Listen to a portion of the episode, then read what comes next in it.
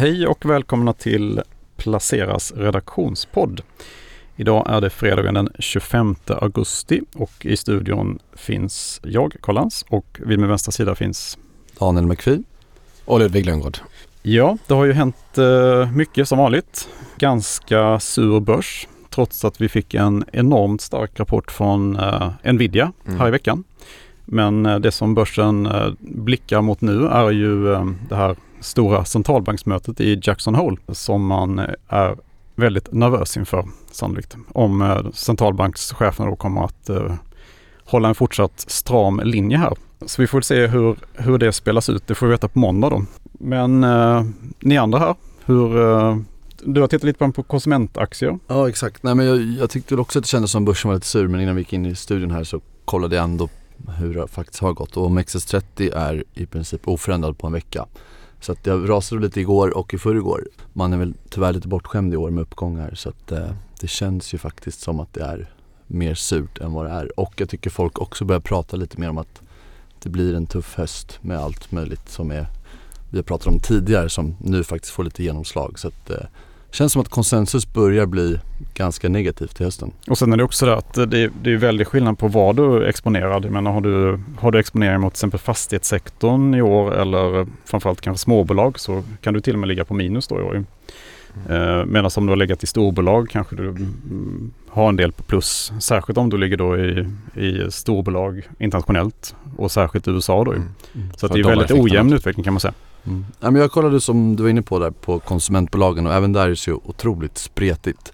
Men eh, faktiskt ett av bolagen som är, jag vet Ludde eh, skrev mm. om de bästa på Stockholmsbörsen i år eh, är ett konsumentbolag det är Thule som är ett friluftsbolag får man säga med ryggsäckar och, och, och boxar och sånt där, takboxar va? Ja precis. De har tälten på taket också som också mm. Sen får man komma ihåg att de här, många av de här aktierna kommer från relativt låga nivåer sen innan så att uppgången i år kanske inte säger allt för mycket. Men de är i alla fall upp 45% i år. Men även Husqvarna, robotgräsklippare eh, bland annat. Och mycket elektrifieringen där också med olika produkter som ska elektrifieras. Eh, är upp 25%. De kommer framförallt från väldigt låga nivåer. Mm. Men även Biogaia eh, som har mycket försäljning i USA bland annat till, i, genom Amazon. Mm. Just det, de vet jag att Winston pratade om också. Han ja, hade dem på sin uh, topplista alldeles nyss. Mm. De är upp 20% i år. Så, och tittar man på de här bolagen, de har också gått, alla de har ju varit plus på tre månader så att det får man väl lite slarvigt säga är även sommarmånaderna. Och eh, även Thule, Husqvarna och Biogaia är nu exklusive utdelningar plus även på fem år. Jaha. Så att eh, vinnare förblir vinnare verkar det som. Mm. Men eh, det som jag tycker är mest intressant egentligen med den här listan det är ju att alla de här bolagen, trots det alla pratar om i, runt om här då, är att eh, de förväntas växa vinsten under nästa år. Så att det här är 15 konsumentrelaterade bolag inom olika nischer. Men alla har en exponering mot konsumenten. Men alla förväntas växa vinsten under nästa år. Men är det inte också en del eh, pandemivinnare på den här listan? Typ Thule kan jag tänka mig också har fått en jäkla skjuts i pandemin och nu vände det förra året då? Jo absolut. Jag skulle säga alla de här fick en skjuts i pandemin med tanke på att konsumenten fick, eller hade väldigt låga räntor och fick likviditetsinjektionen om man ser globalt sett. Så att, eh, det får man nog säga om alla. Sen skulle jag nog mer säga kanske, även om Thule absolut blev det med tanke på friluftslivet som många känner till, som Phoenix Outdoor också till exempel som är med i listan. Men den har gått ganska svagt va? Ja precis. Jag tänker men, förvånansvärt svagt. Ja. Och det ser man ju också, de i Q2 så minskar deras resultat 93 procent. Så att eh, medans till exempel Biogaia växte vinsten till exempel, Dometic som också är friluftsliv tappade 29% i Q2 när vi tittar på resultatet men förväntas också växa vinsten då eh, nästa år. Men de kanske tydliga pandemivinnare som också blivit efter pandemiförlorare är väl eh, Nobia som är kök, eh, Byggmax som ni vet säljer trävaror etc. Eh, New Wave är faktiskt tycker jag ganska intressant som många pratar om. Där förväntas bara vinsten växa 6% nästa år. Är det din favorit bland de här bolagen? Eller?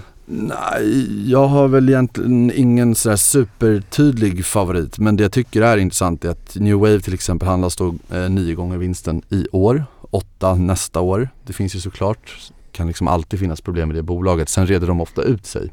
Men de har ju också rekordmarginaler idag. Eh, man såg nu i Q2 att marginalen blev lite sämre och eh, börsen är väl lite orolig för marginalutvecklingen framåt där. Och den föll väl rejält på rapporten där va? Precis, den var väl ner 16-17% Jag vet att Martin har pratat om det innan så att vi behöver inte gå in Nej. i detalj på det. Men eh, det tycker jag ändå är intressant. Om du tar Thule handlas till 27 gånger vinsten. Eh, Biogaia handlas till 30 gånger vinsten i år. Eh, så att Biogaia förväntas växa vinsten 9% och eh, New Wave 6%. Ja det är på innevarande år detta då? Nej, Ja. nästa år. Okej nästa år. Så att vinsttillväxt till nästa år. Men eh, sen är det här bara förväntningar så att det kan ju vara fel åt alla håll. Så att, eh, nej men det, jag, jag hade nog själv kanske inte köpt Byggmax. Men jag tycker nog ändå att det är intressant. Eh, vinsten var ner 36% i Q2, det är väl mycket. Men det är ju inte så att det, menar, det är en verksamhet som alla andra verksamheter, det går lite cykler. De förväntas växa vinsten 36% nästa år och handlas 11 gånger vinsten i år och då 8 på nästa. Mm. Sen ska man också säga det är väldigt olika i skuldsättning i de här bolagen också. Mm. Eh, Så att, Är det någon du ser som har riktigt hög skuldsättning som är lite läskig nästan att jag har faktiskt i det här fallet inte just tagit eh, skuld, med skuldsättningen men man vet väl sedan tidigare att Biogaia har nettokassa. Husqvarna Dometic vet man är ju skuldsatt. New Wave har ju en skuldsättning, den är väl inte superhög men den finns där. Torsten pratar ju alltid om att eh, han vill vara redo för förvärv liksom. Exakt. Mips kan man väl också nämna. Eh, vinsten är 75%. Ja, de har ju visat innan att de kan ju skala väldigt bra. Problemet blir att när det går åt andra hållet så skalar det åt andra Skala åt hållet. fel håll. Ja precis. Ja det blir inte roligt. Så att vinsten var ner 75% där i Q2. De handlas till 100 gånger vinsten och förväntas dubbla vinsten till nästa år vilket innebär ett P-tal på 50 då, till nästa år. Så att ingen tydlig favorit. Man kan väl konstatera att Thule, Husqvarna, Biogaia, Dometic också förmodligen kan inte de jättebra men det som man ser är att många av de här bolagen det är ju, de säljer till USA mycket och länder utanför Europa så att de får ju mycket valuta Mm. och att som man alltid, eller ofta gör, funderar kring känslan kring konsumenten handlar kanske om vad man ser i sin närhet och själv och vad som hänt med räntor i Sverige och inflation men många av de här har ju ett beroende av svenska marknaden såklart men Mm. kanske inte alltid så mycket som att, om man tar Husqvarna som ett exempel, men de säljer robotgräsklippare Mm. Om universitet i USA köper dem, det har ingenting att göra med hur svenska bolånen ser ut. Nej, det är väl kanske Byggmax som är närmast där, tänker jag. Om Mm. man eh, har råd att renovera och sådär. Jag har ju Ja. själv åkt runt lite grann på byggmarknaden de senaste veckorna och eh, det är ju ganska tomt tyckte jag. Jag Mm. tycker man kan få hjälp lätt och sådär. Så att det är väl ett tecken på att det är lite lågkonjunktur i den sektorn i alla fall. Ja absolut och det är väl kanske då om man ska köpa då.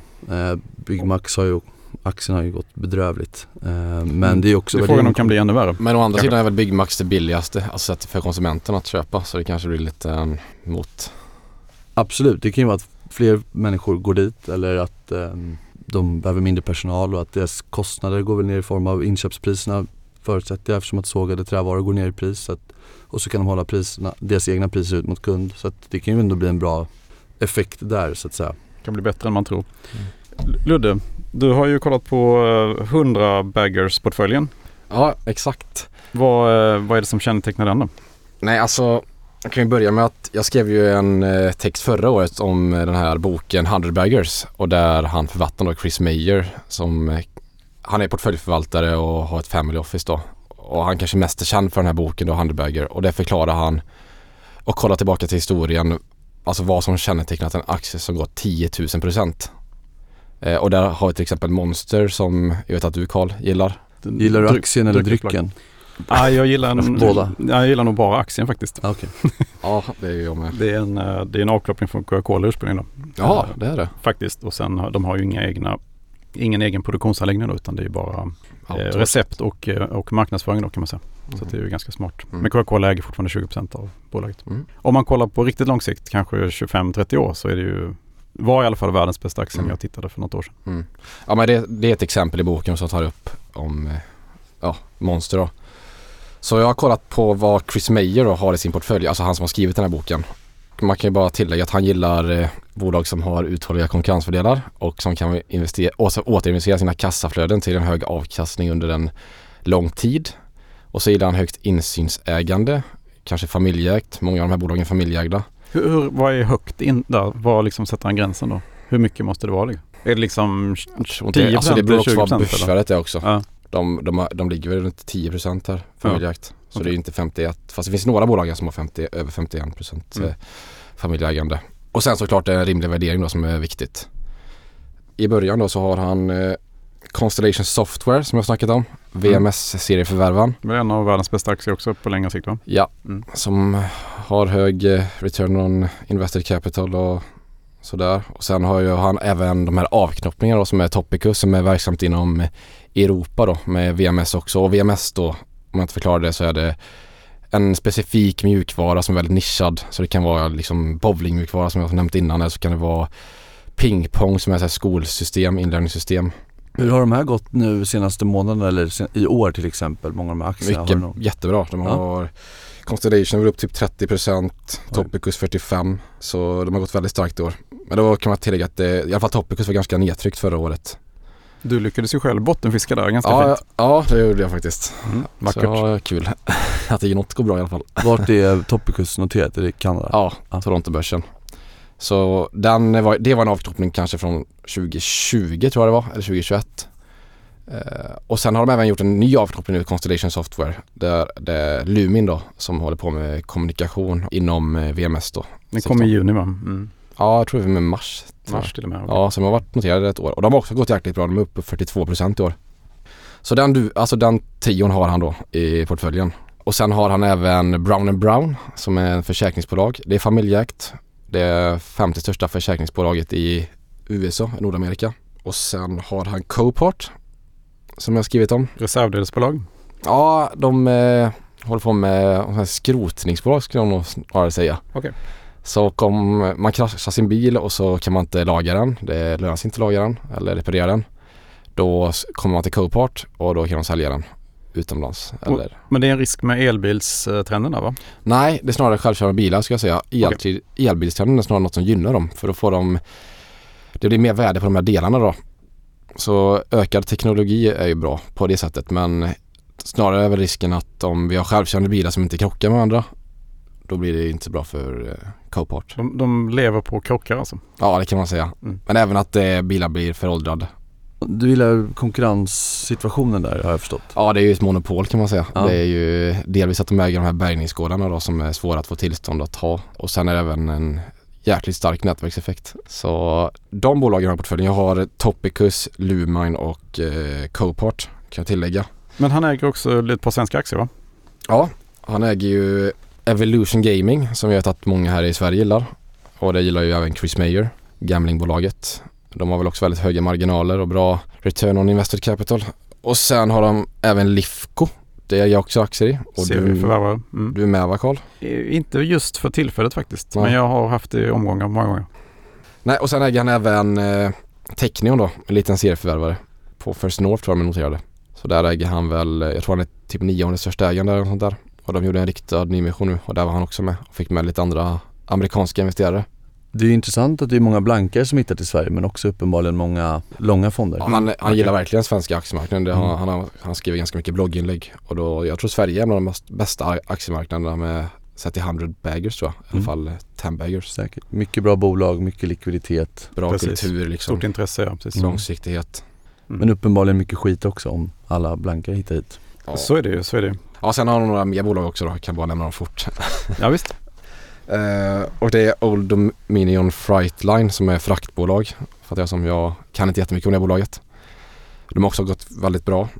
Och sen då polska bolaget, det enda polska bolaget som Dino är Polska. Dino Polska Mm. som eh, livsmedelskedja kan man säga. Och det är familjeägt av en vd då som är 51%. Så det är alla de bolagen har han i portföljen. Mm. Och vad, hur har det gått för honom då? Ja, I år har det gått väldigt bra ska jag säga. Han är nog bättre än index. Nu har jag inte fördelningen här och vad han har sett i fördelning. Men de här bolagen har ju, de flesta av de här bolagen har gått väldigt bra på lång sikt. Mm. Det kan man ju lugnt säga. Så tycker jag han är en väldigt duktig investerare. Men hur ofta byter han aktier då? Eller Väldigt liksom- sällan. Ja. Jag tror förra året var det en förändring. Och det var, jag vet inte vilket bolag det var men väldigt sällan. Så det är ingen trader? liksom. Verkligen inte. Utan han är alltså väldigt långsiktig och det här är viktigt med att de har hög eh, avkastning på kapitalet liksom. Det Och- är intressant för jag, jag skrev ju ganska nyligen om en, eh, en duktig investerare, lite äldre då, Stanley Druckenmiller. Och eh, han eh, tradar ju ganska mycket i sin portfölj. Eh, och eh, han har liksom inte ägt Nvidia utan han eh, förrän i början på det här året då. Och, då, och nu har det då blivit det överlägset största innehavet i hans portfölj då. Dels på grund av värdetillväxt och dels på grund av att han har köpt mer hela tiden. Han började Mm. köpa i januari ungefär. Eh, Ja, det är jäkla skillnad på ja, investeringsstrategier då. Väldigt, väldigt stor skillnad. Allt, alltså flera stycken funkar liksom. Det finns inget rätt och fel. Nej, verkligen inte. Mm. Men eh, Carl, du har kollat på Booking va? Ja, världens största resebokningssajt. Men det är väl också ett riktigt kvalitetsbolag? Ja, det får man säga. Eh, Det är ju eh, en ganska tuff bransch att eh, befinna sig i ändå. Det är väldigt hård konkurrens plus att resesektorn är ju, har ju drabbats av de här enorma kriserna. Tänk att du måste ha lynchat mycket där så mycket du har rest senaste åren. Ja, jag har ju faktiskt just använt Booking, eller jag är ganska flitig användare av deras tjänster faktiskt. Mm. Så att jag, jag kan, ju, kan ju bolagets, alltså Booking Holding då består ju av dels Booking.com som är då största delen. Men de äger ju också då um, Priceline.com eh, som är lite stora i USA framförallt. Och Agoda då, Hotell, hotell också, ja, precis. Mm. Eh, och sen äger de då en uh, resesökmotor som heter Kajak som jag själv använt ganska mycket för att jämföra flyg och sådär. Det är ganska bra när man gör första sökningen. I Nordamerika har de något som heter Open Table som eh, de bokat bord online i restauranger. Och de äger även en hyrbilssajt som heter rentalcars.com. Men det är ju då booking.com som är överlägset störst. Uh, och det var ju, från början var det egentligen att det var Priceline som köpte booking.com. Eh, och det var eh, redan i början på 2000-talet då. Uh, och sen bytte man då namn till Booking Holding 2018 här för att, ja, för att det är det dominerande bolaget helt enkelt i, i portföljen.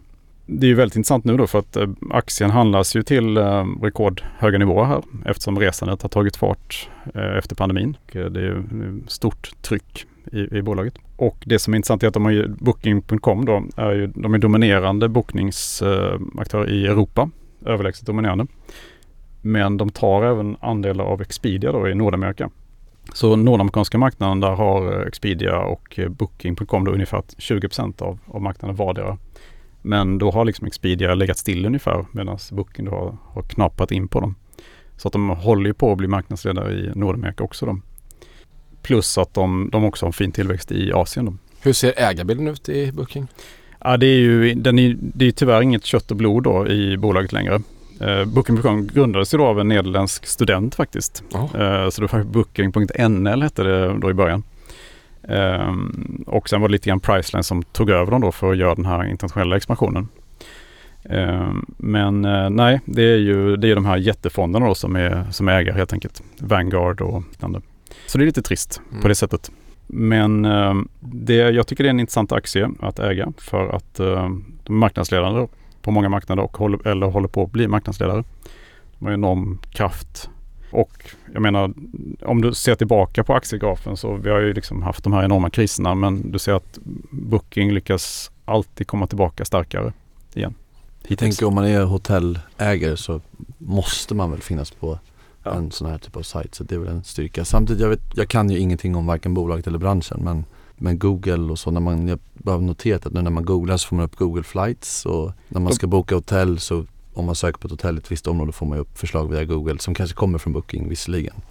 Men att den konkurrenssidan känns lite obehaglig. Det är möjligt att det är en, eh, en framtida, eh, ett framtida problem. Men eh, det är ju mycket, nu vet jag inte hur stor andel som är, sker i appen då, men jag skulle tro att appen tar en väldigt stor del av bokningarna faktiskt. Plus att de då har ju, de har ju system som ändå binder fast kunden lite grann. Du har olika liksom eh, bonussystem då. Vad är det för multiplar på sånt här typ av bolag? Alltså det är inte jättedyrt. Det är P20 ungefär. Så att jag tror att den har en rabatt för att det är en sån eh, Dels är det då hård konkurrens och sen att den verkar i resebranschen också. Så att det är inte alls speciellt dyrt faktiskt.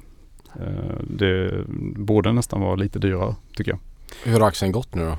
I år har den gått jättebra. Nu är upp över 50 i år. Mm. Eh, Men det är ju just också för att eh, vinsten per aktie stiger ju jättesnabbt nu alltså. Eh, Omsättningen ökar bra. Men jag kollade lite på, för några månader sedan, eller ett halvår sedan kanske det var, så kollade jag på Airbnb. Just det. Och det är också det är också en konkurrent. bolag. Precis. Det är såklart också. Men de kanske Mm. ligger lite underkant då mot... Alltså om man, precis. Air- Airbnb är ju precis, näst största konkurrenten då. Det är det. Det är klart att det är en, en viss risk. Mm. Det finns alltid en Det risk. finns alltid risk. Det är alltid bra med, och egentligen är det bra med konkurrens. Mm. Det gör ju att man blir bättre liksom. Men eh, jag tycker att om du vill vara investerad i eh, resebranschen, som är en väldigt tuff bransch att vara i, då tycker jag Booking är eh, ändå värt risken. Ja det känns ju bättre än SAS. Ja, det är betydligt bättre än de flesta andra flygbolag ska jag säga. Mm. Eh, om man nu vill äga flygbolag kanske man inte ska äga överhuvudtaget heller. Liksom. Nej. Sett ur det perspektivet är det intressant. Mm. Ja, har ni gjort några affärer då?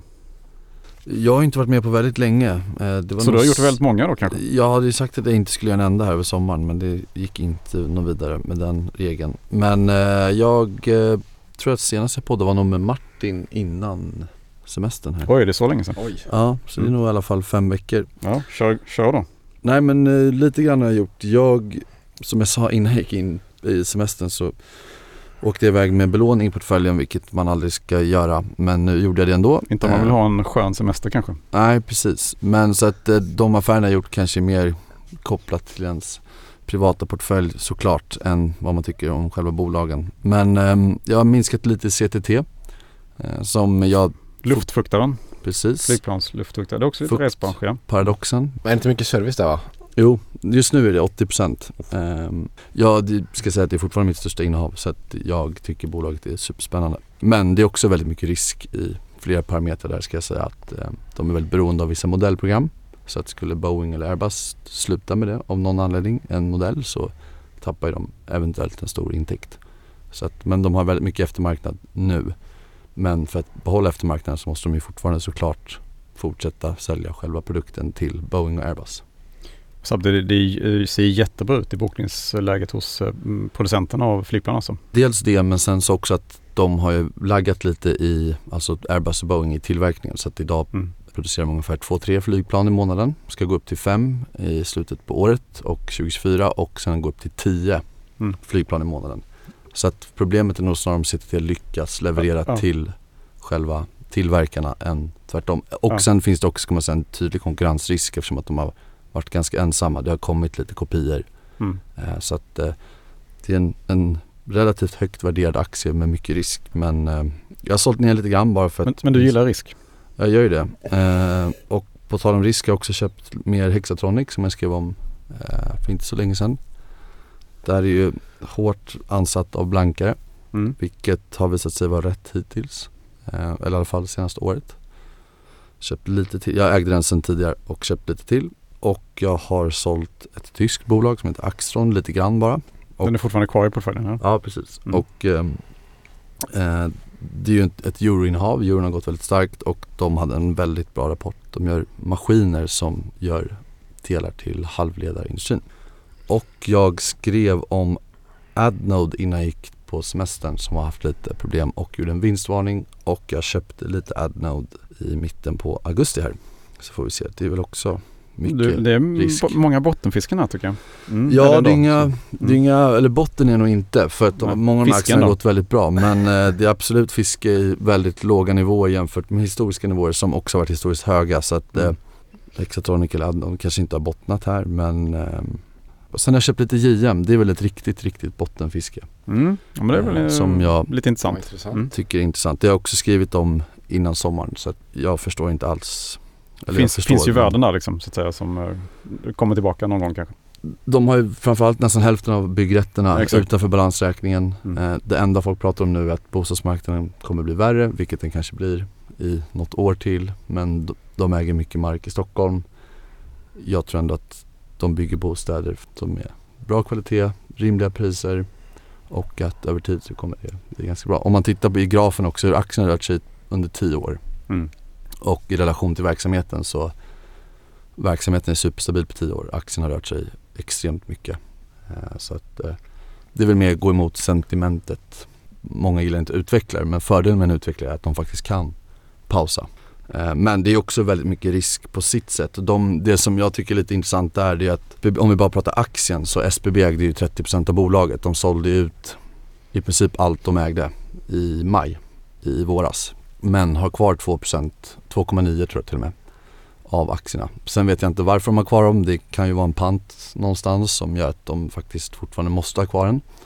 Men eh, den, när den posten börjar rulla ut så hoppas jag att eh, säljarna är klar. Den är också väldigt hårt blankad. Jag tror att det är 15%. Ja, jag tänker också det. Det är väl en trigger sen om, inte, om något liksom. Ja, det känns ju ganska enkelt och logiskt att man blankar St- Stockholms bostadsmarknad.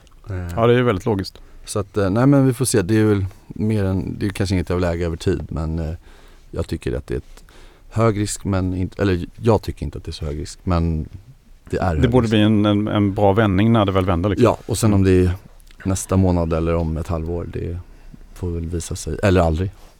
Ja, det, nu är du för, lite väl pessimistisk. Ja det får vi hoppas annars blir det Annars går världen under Exakt. Men ni då, ni måste ha också gjort en hel del. Ni har väl inte varit med på något Jo jag var med förr, förra veckan förr, förra? Men jag har faktiskt gjort lite affärer. Jag snackade ju om Balco i förra podden gjorde jag va? Och nu har jag faktiskt köpt Mm. aktier. som Balkong eh, Jag, balkongtillverkaren som jag tror kommer bli bra. och det är familjeägt. Ja. Japp. Och det- Erik Selin är också är storägare där. Balder-killen. Mm. Som alla vet. Ni gillar familjeägda bolag. Ja, Mm, Familjer brukar vara bäst. Brukar tänka om det långsiktigt. inte är en, en dum familj. Mm. En skuldsatt familj. Ja. Nej, det blir inte bra. Eh, och sen har jag även köpt eh, ett till familjeägt bolag. Bröderna A och J Johansen.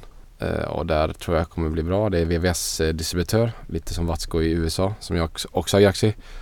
Och där är 70% eh, renoveringar så det blir lite mer återkommande intäkter och inte lika beroende av nybyggnation även om det är en del nybyggnation.